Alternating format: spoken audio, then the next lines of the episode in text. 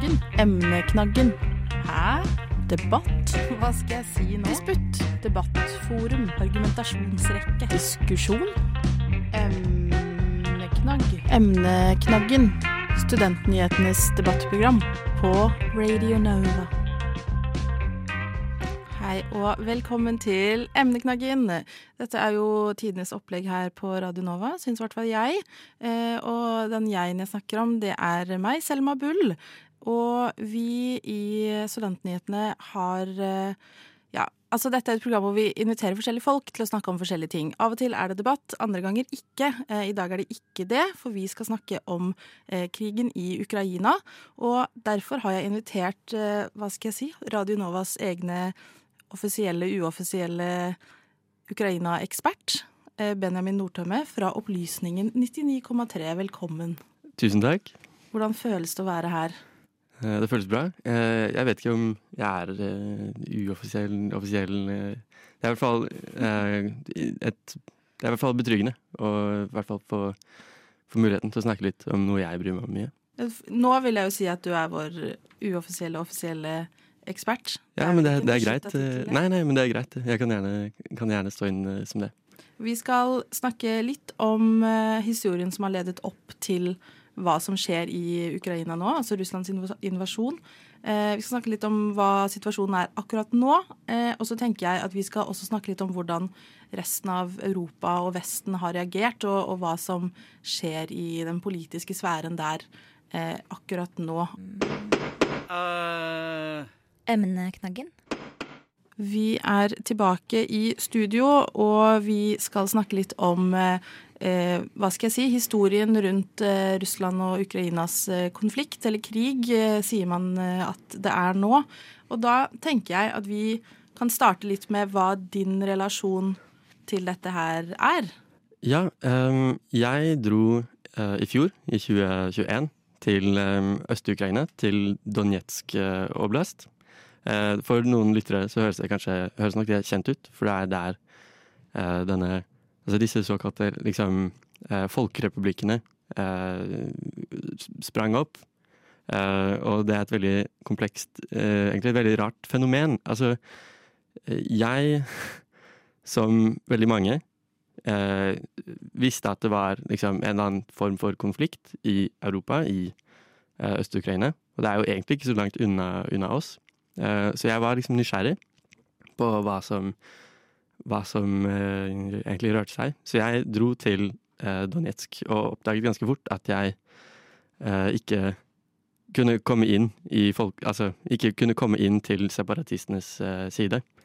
Jeg vet ikke om det er et sånt Det er jo min, det er på en måte min, min relasjon til det. At jeg, dro dit for å lage en dokumentar. og innså et par ting at jeg måtte, i hvert fall i denne dokumentaren, forklare hva er det som ledet Hva, hva, hva skjedde? Hvorfor er det sånn? Og um, ja. Det er det som er problemet. Det er det som er problemet, å avgrense dette. Hvor er det det begynner? Derfor kan man, Er det et spesifikt sted hvor man kan si at her på en måte starter det? Hvis du snakker med ukrainere, så vil de mest sannsynlig fortelle deg at dette er liksom en, en, en eh, større konflikt som har utspilt seg over flere århundre. At det er russisk eh, imperial eh, dominasjon som er eh, fienden.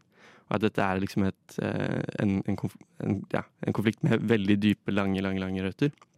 Eh, men sånn rent konkret for hva, hva som gjelder nå, er det veldig viktig å få med seg at liksom i 2013 så så vi på TV at det var noen opptøyer i, i Kyiv, juletider, hvor folk viftet eh, EU-flagg og så og det var eh, politi som skjøt med skarpt på demonstrantene og sånn eh, i, i hovedstaden Kyiv. Eh, og det er da noe ukrainere kaller eh, the revolution of dignity, eller verdighetsrevolusjonen. Så det er da eh, nå snart ni år siden. Åtte-ni ja, skal vi se, åtte-ni år siden. Det som skjedde da, var at Ukraina hadde en president som var ganske lojal mot Russland. Ganske Russland-vennlig. Som nektet å signere en avtale som skulle bringe Ukraina tettere økonomisk sammen med resten av eh, Europa. For det er, veldig, det er også ganske sentralt at um, Ukraina ser på seg selv som et europeisk eh, land. Og at det er en sånn utrolig utbredt uh, idé og tanke. da. Og at det er noen i Moskva som på en måte nekter dem å ta del i Europa. Som ønsker å på en måte uh, kue og måte um, nøytralisere Ukraina. Hindre dem fra å liksom kunne velge sin vei selv. da. Og det er noe sikkert mange har fått med seg. Det er, det er noe man, man, kanskje også hører. Men det er viktig å tenke på at da det som skjedde i uh, julen 2013 Eh, tidlig vinter 2014, er på en måte startskuddet for denne nye, altså nyeste bølgen da, med Russland-Ukraina-konflikt. Ja, for Det du snakker om nå, er jo da annekteringen av Krimhalvøya. Eh, og mm. det jeg husker fra det, er jo at eh, mange snakket om at det, liksom store deler av den ukrainske befolkningen de følte seg som europeere og som en del av Europa. Men så hadde du en del som kanskje følte litt større tilhørighet eh, til Russland. Ha, ser man noe forskjell i på en måte de, hvis man kan legge de prosentdeler, da? Har, mm. den, eh, har, det forandret seg nå? Det er det god grunn til å tro. Um, altså det uh, å kalle det liksom sånn europavennlige ukrainere. Eh, vil også slite med å liksom akseptere egentlig det grunnlaget. At det er så stor Russland-vennlig eh, At det er et så stort Russland-vennlig segment i den ukrainske befolkningen. Uh, jeg tror i hvert fall man kan si at hvis det noen gang var det, så er ikke det nødvendigvis så sant lenger. Det jeg da oppdaget i Donetsk, da jeg var der i fjor, var at Eh, den delen jeg var i, som er 100 eh, russlandspråklig, russ, russiskspråklig, eh, for å eh, Kanskje til og med overdrive litt, da. Men altså, der er alle primært russlandspråklige. Nå sa jeg russlandspråklig igjen. Russisk. Eh, alle primært der er russiskspråklige. Eh, men språk er ikke nødvendigvis tilhørighet på samme måte som vi Eller det er veldig lett for oss på utsiden å tenke da å ja, de snakker russisk, så da må jo da må de jo ønske seg Ja, da er det sikkert ikke så eh, merkelig da at de vil være en del av Russland, på en måte. Men, altså, for det kan jo være en del av en slags nasjonal identitet, men det trenger jo mm, ikke å være det. Eksakt, da. Eksakt. Så det er det som er litt viktig å, å tenke på. At vi ikke måtte, nødvendigvis eh, så lett eh, kobler, kobler det sammen. Jeg kan tenke på for eksempel, for eksempel Irland. Mm. Irland er jo veldig engelskspråklig, så nesten så engelskspråklig som det går an å bli. Så har man jo også da, dette irske språket, eh, som man prøver å gjenopplive litt. og Det er liksom et langt prosjekt. Men Irlands historie er også liksom løsrivelse fra det britiske imperiet. Mm. Um, så det er rart å tenke på Det er det som er litt problemet, at det er veldig få som egentlig har noe sånn særlig innsidekunnskap om dette veldig fascinerende gedigne landet Ukraina. At man har kanskje ikke så god um, kjennskap til Ukrainas nyere historie, sånn etter uh, selvstendighet, etter de brøt ut av Sovjetunionen. At det er helt mulig at hovedstaden Kyiv er nesten også primært russiskspråklig, men svært um, hva skal vi si uh, vestligsøkende og europasøkende. At det er ikke noe som må nødvendigvis uh, Ja, at, man, at man, vi burde klippe den koblingen. At det er ikke liksom sånn ja, ja du snakker russisk, så er du mm. Dermed er du russisk. For Er det dette med på en måte tilhørighet, er dette den hovedkonfliktlinjen, eller er det noen andre konfliktlinjer som har vært der over lengre tid, som man kan se fremdeles? Um, dette med tilhørighet er jo litt sånn altomfattende, eller det griper om det meste, kanskje. Eh, fordi tilhørighet er veldig vanskelig og komplisert og, og veldig, veldig, stort.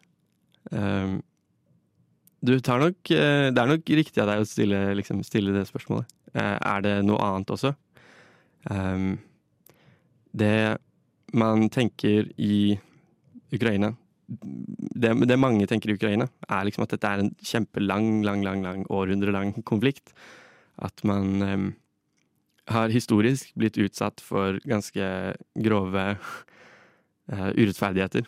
Som Ukraina, da. Som land, som nasjon, uh, gjennom liksom, århundrer med uh, dominasjon.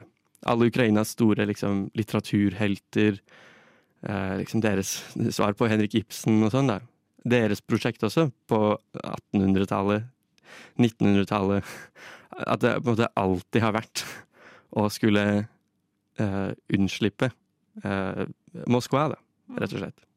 Uh, ja. Hvor, altså, det er jo ikke første gangen Russland på en måte er en del av en konflikt i denne regionen. Hvor stor rolle spiller på en måte Sovjetunionen eh, og den delen av historien i det som skjer nå? Det er altså mye, altså mye. Det har veldig mye å si. Så du kan si at det finnes en slags eh, inndeling i det ukrainske samfunnet og i andre postsovjetiske stater også, at det er en eldre generasjon som har lettere for å føle en slags, for, slags form for nostalgi for eh, Sovjetunionen. At det er også tilfellet i Ukraina. At eh, når man snakket om Russlandvennlige, mer Russlandvennlige deler av landet, eksempel, så vil det da handle om den eldre sovjetiske generasjonen, som ofte hadde denne eh, Russland Eller ja, som eh, ville lettere tenke at eh, at Russland er en venn, og at vi levde jo i harmoni en gang i tiden, liksom. Og hva er det som har skjedd nå? Ja. Eh, hvorfor, er ikke, hvorfor, er vi ikke venner lenger? Hva er det som, hva er det som skjer? Ja. Det er, det er riktig, å, riktig å si. Um, det er en generasjonell greie. Så uh, i Donetsk, der hvor jeg var i fjor, så uh, snakker man om at de unge er svært, svært uh, europasøkende, vestlig-søkende. Og så har man en, da, en eldre garde, typisk da liksom pensjonister, som i de unges øyne da, er egentlig litt er, er hjernevasket. Og Eh, er måtte, preget av en eh, At de har liksom internalisert denne sovjetiske ideen uh, altfor mye og i altfor stor grad. At de liksom er, er, blir blinde da, for, for urettferdighetene som utføres likevel. At de, ja, at de lettere lar seg overkjøre. Um, og det syns jeg er veldig interessant, fordi det, er, det er liksom ikke helt eh, hverdagskost for norske ører, tror jeg. Jeg tror ikke vi har en sånn intens eh, splitt i vårt samfunn på noe Altså, det går Ja, vi er gjerne uenige med, våre, liksom, med folk som er eldre. Vi som er unge. Men det handler ikke om, liksom, det handler ikke om å løsrive deler av landet eller sette sammen rubbel og bit til og, Ja, at man skal Ja. Jeg tror det er svært få eh, hva skal jeg si, skillelinjer i Norge som, eh, som ville ført til så sterke reaksjoner. Mm. Eh, og jeg lurte litt Altså hvordan, siste før vi går videre her hvordan var Ukra eller er Ukraina som land, eller som nasjon? For jeg, som du sier, eh, det er jo ikke et land man har snakket nødvendigvis så mye om, og nå får man det på en måte fra alle kanter. Eh, på godt og vondt. Mest vondt selvfølgelig nå. Hva slags type land eh, er Ukraina? Ukraina er unikt. På, eh, samme måte som at alle land er unike. det, er, det fins jo likhetstrekk man kan snakke i timevis om. Men for å finne ut hva som er Ukraina, er det viktig å se på Da må man liksom inn i historien. Man må inn i det lange, dype materiet. Og det er noe man ofte ikke har tid til på liksom Dagsrevyen eller liksom korte, snappy artikler på en forside på nettavis. Um, Ukraina er, syns jeg i hvert fall, hvis jeg skal måte, kunne snakke på min egen regning Jeg syns Ukraina er ekstremt eh, spennende fordi det er et såpass mm, fremtidsrettet land. Eh, det syns jeg er veldig interessant. At det er så mange um, i Ukraina som snakker veldig mye om fremtiden og hvor de vil hen. Eh, det syns jeg er kjempespennende. Ukraina også er et land som er veldig tospråklig, eh, på en måte som vi i Norge ikke kan nødvendigvis så lett sette oss inn i. At det er mm, et land der i praksis alle snakker to språk i løpet av en dag, liksom. Eh, ulike sfærer av livet utspiller seg på ukrainsk eller på russisk. At politikken, for eksempel, er ukrainsk, liksom, på det ukrainske språket. Eh, det er veldig rart hvis en president eller en politiker eh, snakker russisk eh, i offentlige uttalelser, Men så kan de gå hjem og snakke russisk med familie. Og det er liksom helt Det er helt greit, da. Vi Disse inndelingene, segmenteringene av samfunnslivet i to forskjellige språk, det er kjempespennende. Eh, det mener mange åpner opp for en slags sånn kreativitet som er veldig spennende. At man leker mye med språk fordi man har så mye man utsetter for så mye av det eh, i, i, kraft av å være liksom, Av å leve i Ukraina, så er det liksom alltid to språk. Og det er helt fint, og det går helt greit. Eh, så mange av mine venner, for eksempel, er eh, primært russiskspråklige hjemme. Eh, men støtter helhjertet ukrainifiseringspolitikk. Og styrke det ukrainske språkets plass i samfunnet. Og særlig da nå i den siste tiden siden februar altså siden 24. februar, da denne storskala invasjonen tok sted.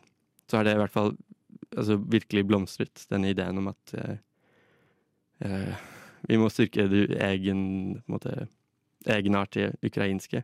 Og da blir det gjerne det ukrainske språket som får sentral, sentral plass i, i, det. Så det er et veldig spennende liksom, prosjekt. da. Um, ja, vi kan gjerne snakke litt mer utdypende om det etterpå, tenker jeg. Emneknaggen hver onsdag på Radio Nova. Velkommen tilbake til emneknaggen. Vi er her fremdeles med Benjamin Nordtømme. Og vi skal nå snakke litt om altså, hva som skjer i, i Ukraina akkurat nå. Eh, og det er jo som kjent eh, akkurat nå en krig som eh, virker som å liksom skalere litt. Jeg kan jo ikke så mye om hva skal jeg si, krigspolitikk. Eh, det regner jeg med du kan kanskje litt mer enn meg om akkurat i denne situasjonen.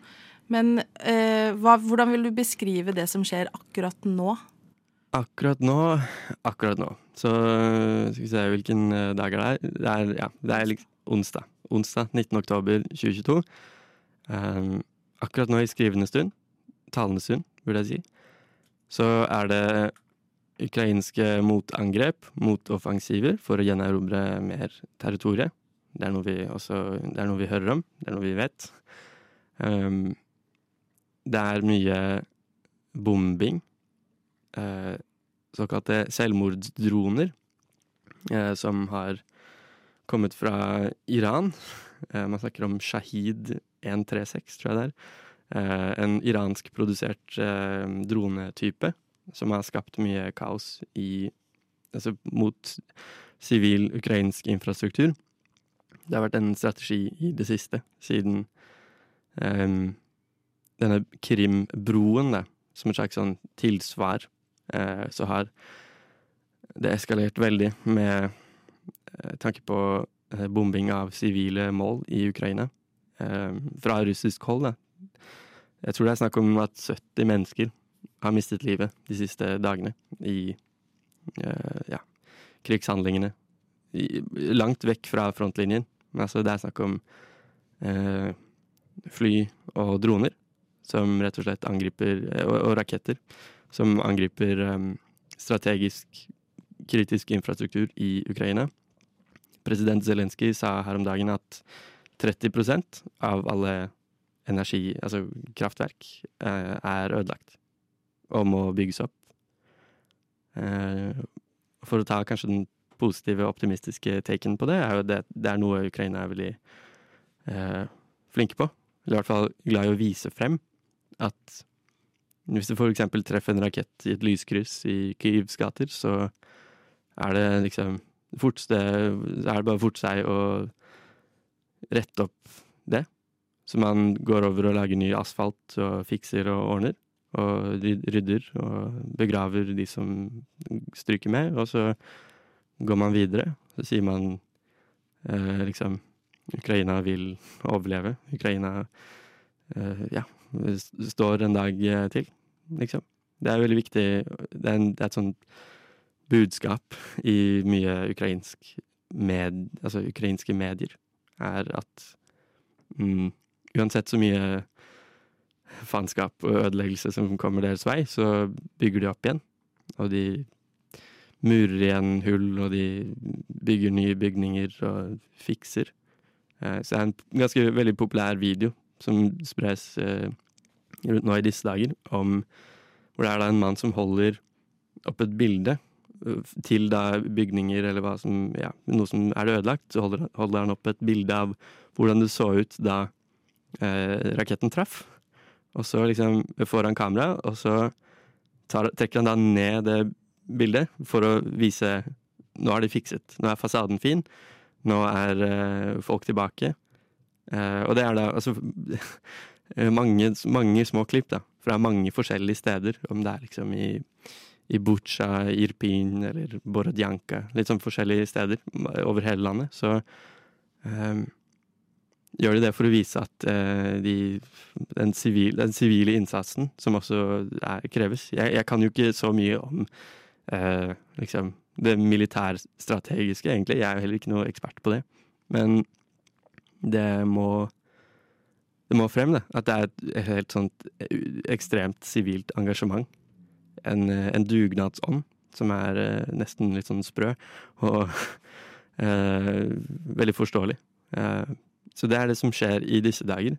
Det er jo nå nesten ni måneder Ja, det er kanskje ni måneder, da, om noen, eh, om noen dager. Så er det ni måneder siden denne eh, tre dagers lange eh, spesialoperasjonen eh, tok sted. Mm.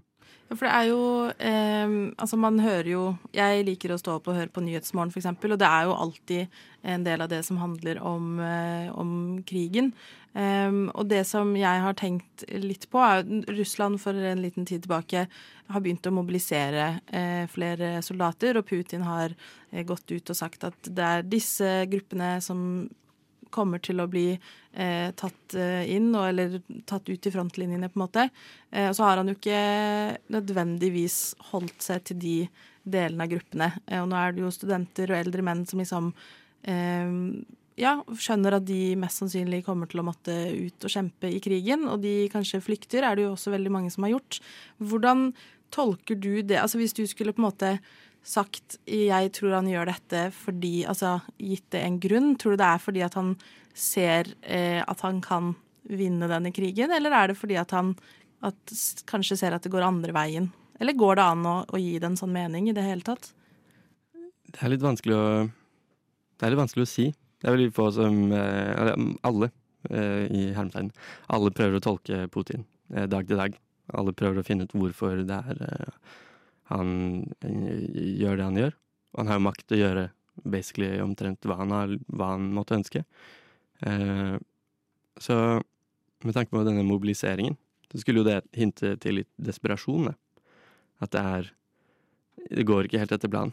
Eh, så derfor må man mobilisere masse folk eh, for å liksom Med ideen om å vinne til slutt. Det er jo det krig handler om, å vinne. Eh, men eh, det er noe som har kanskje på sett og vis eh, ødelagt en slags sånn uskreven samfunnskontrakt i Russland. At eh, i Putin-alderen så har det gjerne vært eh, Har det vært en slags sånn uskreven regel i samfunnet at vi folket, vi skal ikke blande oss inn i politikk. Altså nå snakker jeg som Altså i Russland, da. At uh, det russiske folket skal ikke blande seg inn i politikk. De skal ikke ha sterke meninger om hvem som gjør hva, og hvorfor, og pengebruk og sånn. Så lenge de har uh, mat på bordet, så kan de bare outsource all politikk til uh, Kreml. Og så gjør Kreml ting, og så er man fornøyd. Uansett. Fordi at man får en form for stabilitet tilbake? Mm. Det er liksom nøkkelen i Putin-regimets liksom, egentlig suksess, da. At de har klart å sitte ved makten så lenge. Um, mens da eh, folks sivile og politiske rettigheter har liksom bare skrumpet inn for hver dag eh, som går. Så nå er det jo med livet som innsats. Ja. Eh, på det punktet så brister det jo. Fordi folk er kanskje fornøyd med å bare eh, leve dag til dag og ikke tenke på politikk. Og det er en veldig vanlig, et utrolig vanlig frase å høre i Russland. Eh, Javnje politiker. Jeg er ikke eh, interessert i politikk, sier man. Eh, så når folk i lang, lang tid ikke er interessert i, i, politikk, så blir politikken interessert i dem. Og henter dem Tvinger dem inn i militærtjeneste, da. Så det er jo da interessant med tanke på alle som har flyktet fra Russland, at det er nødvendigvis ikke en Det er ikke umiddelbart en sånn en statement eller en reaksjon på at krigen er feil, eller at du begås urett i, i Ukraina på våre vegne, liksom, som, som, russere. Men at det heller er en sånn uh, Beskytte seg selv. Uh, jeg har ikke lyst til å kjempe og dø i krig, så derfor drar jeg til Kasakhstan eller Mongolia eller Finland, Georgia, for å slippe unna det. For det er ikke mitt ansvar, og det vil ikke jeg gjøre. Men man kan gjerne ha liksom, støttet Putin frem til mobiliseringen. Og det er litt interessant. Det syns jeg er kjempespennende. At um, det er kanskje litt lett for oss i andre land, og i land med mer velfungerende liksom, menneskerettighetssituasjon, uh, uh, at vi tenker så fort russere kommer vekk fra Russland, så på en måte føler de seg frie til å snakke om alt urett. Da. At i Russland så Ja, ikke sant, vi vet jo veldig godt at det ikke er mulig å gi uttrykk for sin politiske måte, sine politiske meninger. Men det blir også, i min mening, feil å anta at så fort man er ute fra Russland, så kommer russere til å uh, bli aktive antiregimeaktivister. Litt sånn med en idé om at å ja, men vi ville jo gjort det. Right? Eller sånn Hvorfor er ikke Putin-regimet kastet? Vi ville jo bare gått ut i gaten og liksom demonstrert, så ville det vært over. Eh, men det er liksom ikke helt sånn det funker.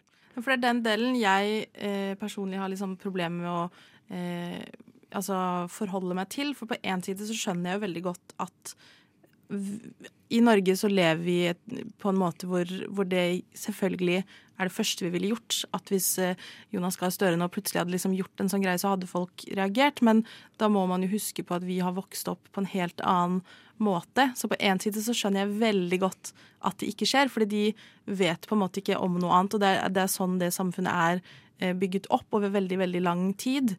Eh, og så har man jo på en måte Pressefriheten står ikke like sterkt. Altså de har ikke tilgang til all den informasjonen som vi kanskje har eh, tilgang til. Men jeg sliter også veldig med å forstå, og det er jo det som er så vanskelig med hele dette, mm, denne krigen, at jeg klarer ikke å forstå at ikke befolkningen syns krig som konsept eh, er kjipt. Uansett om de mener at det er på en eller annen måte berettiget, så er vel vi som verden, eller som eh, eh, altså Europa, da, er vi ikke liksom på samme side hvor vi tenker at krig vil vi ikke ha uansett? Mm -hmm. Det er noe Det er noe som Det er et ekko som også klanger høyt eh, i det ukrainske samfunnet. Right? Fordi eh, den Eh, den aller største, liksom, det dominerende synet blant det ukrainske samfunnet, som da utsettes for grusomhetene som medfører krig. Da. Um, de ser på den russiske opposisjonen som en mislykket eh, et mislykket prosjekt. At de har ikke fått til å styrte Putin-regimet. De har ikke jobbet hardt nok. De har ikke gjort det de burde gjøre, altså i, i et ukrainsk perspektiv. Da. Fordi det har ført, ført oss hit med, med, krig i Europa. En kontinental krig med så mye unødvendig lidelse og, og ødeleggelse. Um, men som du sier, det er vanskelig å sette seg inn i. Fordi det er um, Kanskje det er primært det russiske samfunnet som er så fundamentalt ulikt oss, uh, ulikt våre samfunn, på en eller annen sånn sentral måte. At vi leter etter ting som minner oss om vårt, uh, vårt våre, litt, våre, ganske mye friere samfunn. Vi, le, vi ser etter sånn speilbilder av våre samfunn, og så finner vi det ikke.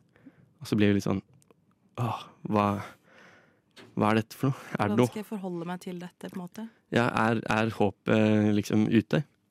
Uh, og det er noe som er i, Hvis du setter deg inn i skoene til en opposis opposisjonell ung russisk person, som kanskje da har flyktet til utlandet, så er jo det å skulle lære mer om sitt eget land, om Russland og, det, og dets historie. Um, en, en, prosess som ikke mm, oppfostrer håp, men heller liksom eh, depresjon, nesten. Det er som å lære om at sitt land nesten i, i, i, all tid har utført grusomheter, og at det er en slags sånn selvoppfyllende profeti. Da. At det er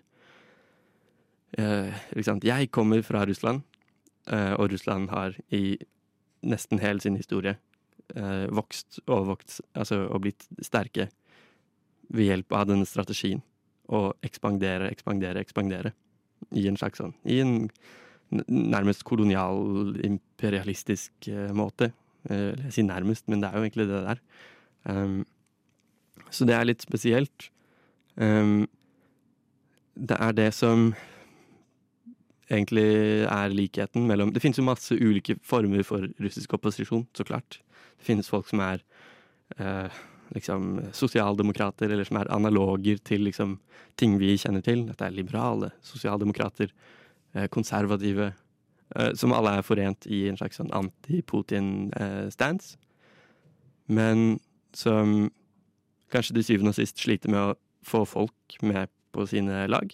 Rett og slett fordi det er en såpass utbredt mm, tendens i det russiske samfunnet å være eh, uinteressert i politikk, fordi det bare aldri går, liksom. Det er ikke noe resultater på enden. Det er liksom bare egentlig forbundet med det å eh, leve et farlig liv å være politisk engasjert. Um, men uh, at det også bare er uh, så utbredt, denne, denne uh, ideen om at man ikke har noe agency, ikke noe agentur. Man er veldig liten i møte med den store Kreml-maskinen, som gjør livet ditt vanskelig hvis du skal ha noe som helst mening om noe som helst. Så det vi kan kanskje trekke en parallell til eh, liksom, Norge under krigen. Da. Sånn etter krigen så har vi jo tenkt at eh, alle var jo egentlig eh, motstandsfolk, liksom. Eller det er lett for oss å liksom Vi trekker frem det, og så glemmer vi kanskje at den jevne nordmann fra 1940 til 1945 levde jo bare sitt liv. Kjipt nok som det var, liksom, under et annet eh, under et annet regime, og et regime som tok fra dem alt, alle politiske rettigheter, basically. Eh, men at man ikke gjorde noe sånn gedigent opprør på en sånn stor samfunnsmessig skala.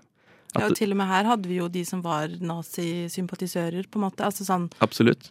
Men eh, ja, det er jo veldig lett å bare henge seg opp i mm. gutta på skauen. Og at en kanskje til og med enda mer sånn poignant, eh, et, et, et, enda mer kanskje til og med sårt punkt, er å tenke på hvis man skulle bli kanskje litt, eh, litt rart og, legge det opp på denne måten, men jeg kommer til å gjøre det likevel, eh, er at de fleste måte, kollaboratørene, eller de som samarbeidet med eh, den tyske okkupasjonsmakten her i Norge, var jo ikke nødvendigvis ideologisk spesielt enige med eh, nazismen, eller var medlemmer av, medlemmer av NS.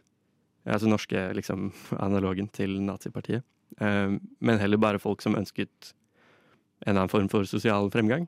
At det var lens Altså Ja, eller så muligheter til å leve et ikke så kjipt liv som mm. man nødvendigvis trengte, da. At den, fruk altså den, frukten hang egentlig ganske på gren, den, og så tok man jo det. De liksom De norske politimennene som gikk og arresterte jødiske nordmenn og sendte dem av gårde med skip til, eh, ja, til Auschwitz, rett og slett hvor mange av dem var NS-medlemmer? Hvor, hvor, mange av dem var egentlig ganske vanlige ikke-nazister, på en måte, som likevel samarbeidet med regimet? Eh, det er en veldig det er en skummel tanke, egentlig. Mm. Det er noe, sikkert litt vondt å tenke på. Jeg tror det er noe vi ikke egentlig vil konfrontere. Og hvis ikke vi vil konfrontere det, så på en måte Da kan vi se oss selv litt i speilet og tenke på det samme i konteksten Russland-Ukraina. Mm. Og nå eh, tenker jeg vi straks eh, skal snakke litt om hvordan eh, Europa og Vesten eh, reagerer. Mm.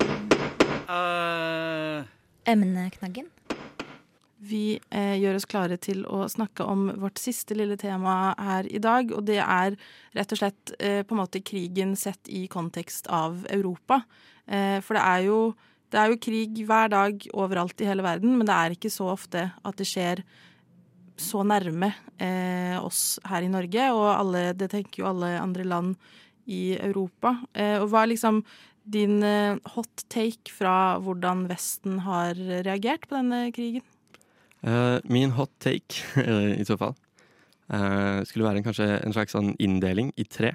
Du kan eh, Dette er min originale inndeling, så ja, kritiser meg gjerne. jeg tror den størsteparten, størsteparten av den europeiske sivilbefolkningen har en reaksjon på hva som foregår i Ukraina, som kan oppsummeres i en litt sånn uff da. Det er en slags sånn da-reaksjon. Det er noe vi leser om i nyhetene, og så er det bare, liksom, nesten bare dårlig nytt. Og så er det uff. Men vi må støtte Ukraina, fordi de er liksom underdogs, da. Det er segment én. Og det vil jeg tro er ganske utbredt, liksom. Kanskje 65-70% av befolkningen har en sånn ufta-reaksjon. Så har du de som eh, er aktive på en eller annen måte aktivt eh, mer Ukraina-støttende. At de tar del i liksom, demonstrasjoner eller ytrer seg, eller sier f.eks. vi må sende mer støtte til eh, Ukraina. Vi må sende mer våpen, vi må sende mer humanitær bistand. At denne aktive fløyen eksisterer også. Men i det, at i, i det sivile samfunnet så er det også en ganske Det, det er jo en minoritet. De fleste egentlig har en sånn uff reaksjon Og så lar man eh, måtte, politikerne liksom forhåpentligvis finne noen løsning, og liksom at de tar ansvaret for det. For det er mye å sette seg inn i for en helt vanlig borger. At det er, liksom, det er for mye. Eh, man vet ikke hvordan man skal vinne en, en krig på noen andres vegne. Liksom. Det, er, det, er, også veldig rart. Og liksom avslutte den siste tredelingen, da, at det er liksom uff da, folkeøy. Så har du veldig pro-Ukraina, liksom Slava Ukraini-segmentet. Eh, og så har du kanskje en tredje kategori, som er litt sånn um, Eh, fred for enhver pris.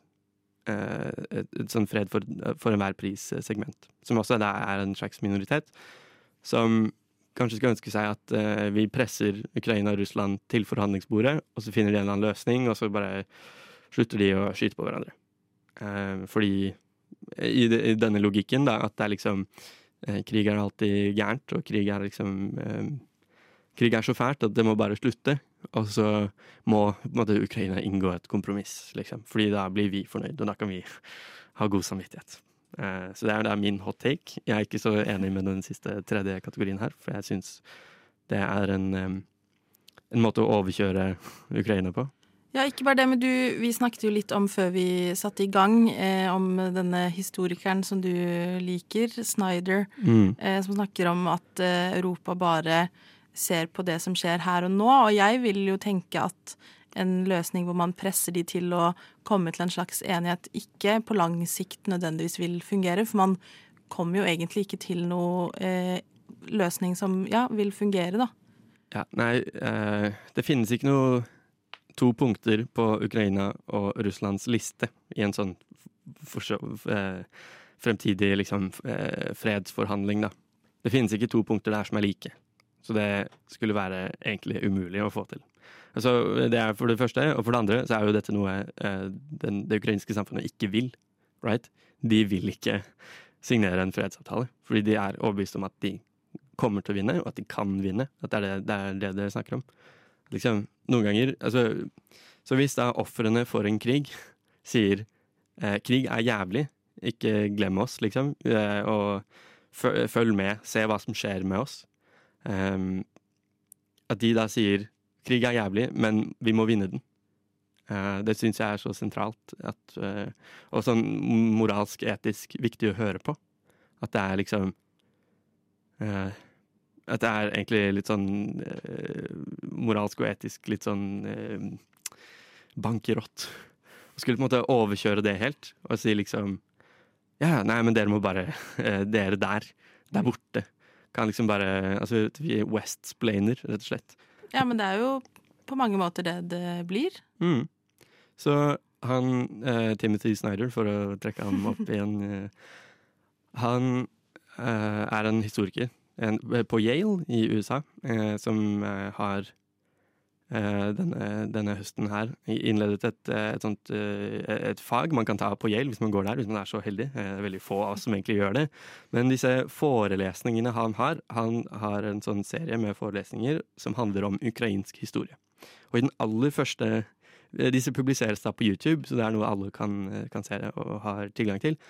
Den første, aller første forelesningen, det aller første han gjorde, var å si, spørre elevene som sitter der, og spørre dem mm, hvor mange aktive eh, fag, kurs, nå i, i USA, altså i USA de.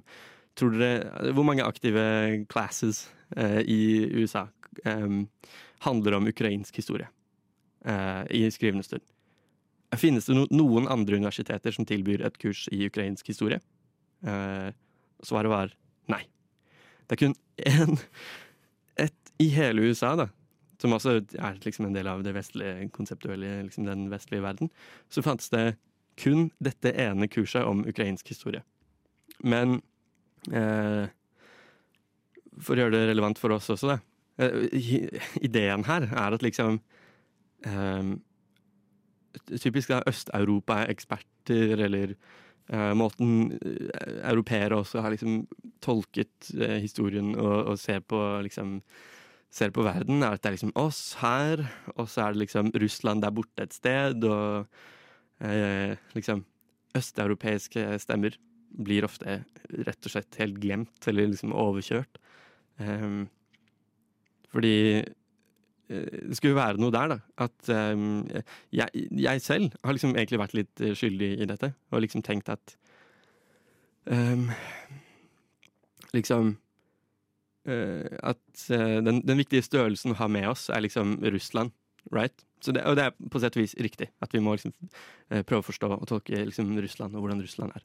Men finnes det ved norske universiteter Kan man studere det ukrainske språk? Kan man eh, studere liksom ukrainsk historie? Kan man eh, Har vi gitt oss selv muligheten til å forstå disse andre perspektivene? Og svaret er liksom i hovedsak nei. At det er liksom innen eh, Altså før 24. februar i år så var det basically ikke et eneste universitet i Vesten som viet noe plass eller noe liksom eh, ressurser til eh, Ukraina. Og det føler jeg liksom Eller eh, Ukraina er eh, Europas eh, altså, Kommer an på hvordan du definerer Europa, men det er jo Europas største land. Eh, vi har masse kurs i russisk. Det er veldig mulig å lære seg. Vi har masse kurs i liksom russisk historie, og hvis du studerer statsvitenskap eller politikk, så eh, er det liksom ja, den kalde krigen mellom Sovjetunionen og USA, og liksom da får man med seg eh, Moskva. Men hva skjedde med liksom Um, ja, hva skjedde med Warszawa og Kiev og de baltiske landene? Uh, de liksom Som er våre direkte naboer, faktisk. Hvor ble det av de? De blir jo ofte plassert i én eh, gruppe. Mm. Altså man kan jo studere eh, østeuropeisk, på en måte. Eh, men man, ja, som du sier, kan jo ikke gå inn i hvert enkelt av disse landene. Og det tror jeg er et problem som man uh, har liksom sånn litt sånn så vidt gått i gang med å prøve å løse litt. Um, men altså, bare for å gi lytterne liksom en uh, mulighet til å skjønne hva jeg, egentlig, hva jeg, egentlig, snakker om. Det handler om at vi har så lett for å liksom nevne russiske ting. Og russiske liksom komponister og forfattere og sånn. det er noe vi har en veldig lett omgang med. Alle har hørt Tsjajkovskij, og alle, alle, alle, har ikke lest det, men alle vet at det er noe sånn Ja, Tolstoy og Dostojevskij og sånn. Men hvis jeg hadde bedt en jevne nordmann om å nevne liksom én ukrainsk bok, eller én ukrainsk eh, skribent, forfatter, politiker før Zelenskyj, eller ja Så ville det vært et, et vanskelig Det ville vært en vanskelig oppgave.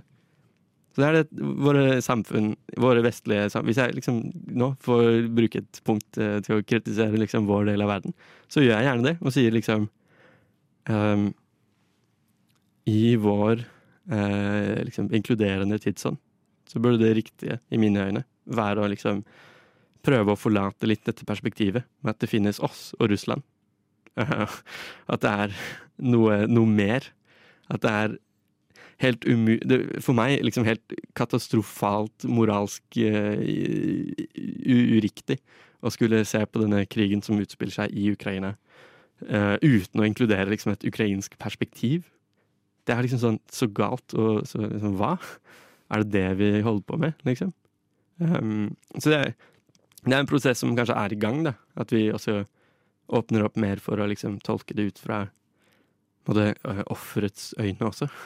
At vi faktisk inkorporerer de perspektivene. At vi liksom um, På TV eller hvor enn det måtte være, at vi hører hva liksom Zelenskyj uh, sier for noe. Eller at vi Ja, at vi inkorporerer mer Altså at vi hører fra, fra Ukraina og Øst-Europa mer generelt. Jeg skulle ønske vi kunne snakke om dette veldig mye lenger, eh, men det kan vi dessverre ikke, for nå må vi nesten avslutte her.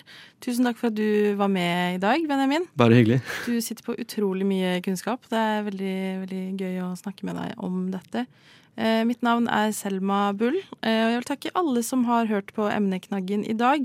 Hvis du har lyst til å høre alt vi har sagt en gang til, så kan du det, for dette legges ut eh, som podkast, og det er bare å søke på Studentnyhetene. Du må gjerne også følge oss på sosiale medier, hvor vi også heter Studentnyhetene. Alle gjerne trenger mer podkast. Du har hørt på Studentnyhetene i dag? Jeg hoppa litt i taket. Jeg var veldig overraska. Jeg hadde ikke forventa å ende opp uh, her, egentlig. Å, hyggelig. Jeg følger bare med å sette høye krav og kjempe for dem, da. Uh, og si at det her er ikke godt nok. Eh, men tusen takk for at du har hørt på Studentnyhetene i dag. Jeg hadde ikke gjort det. Gjort det. Gjort det.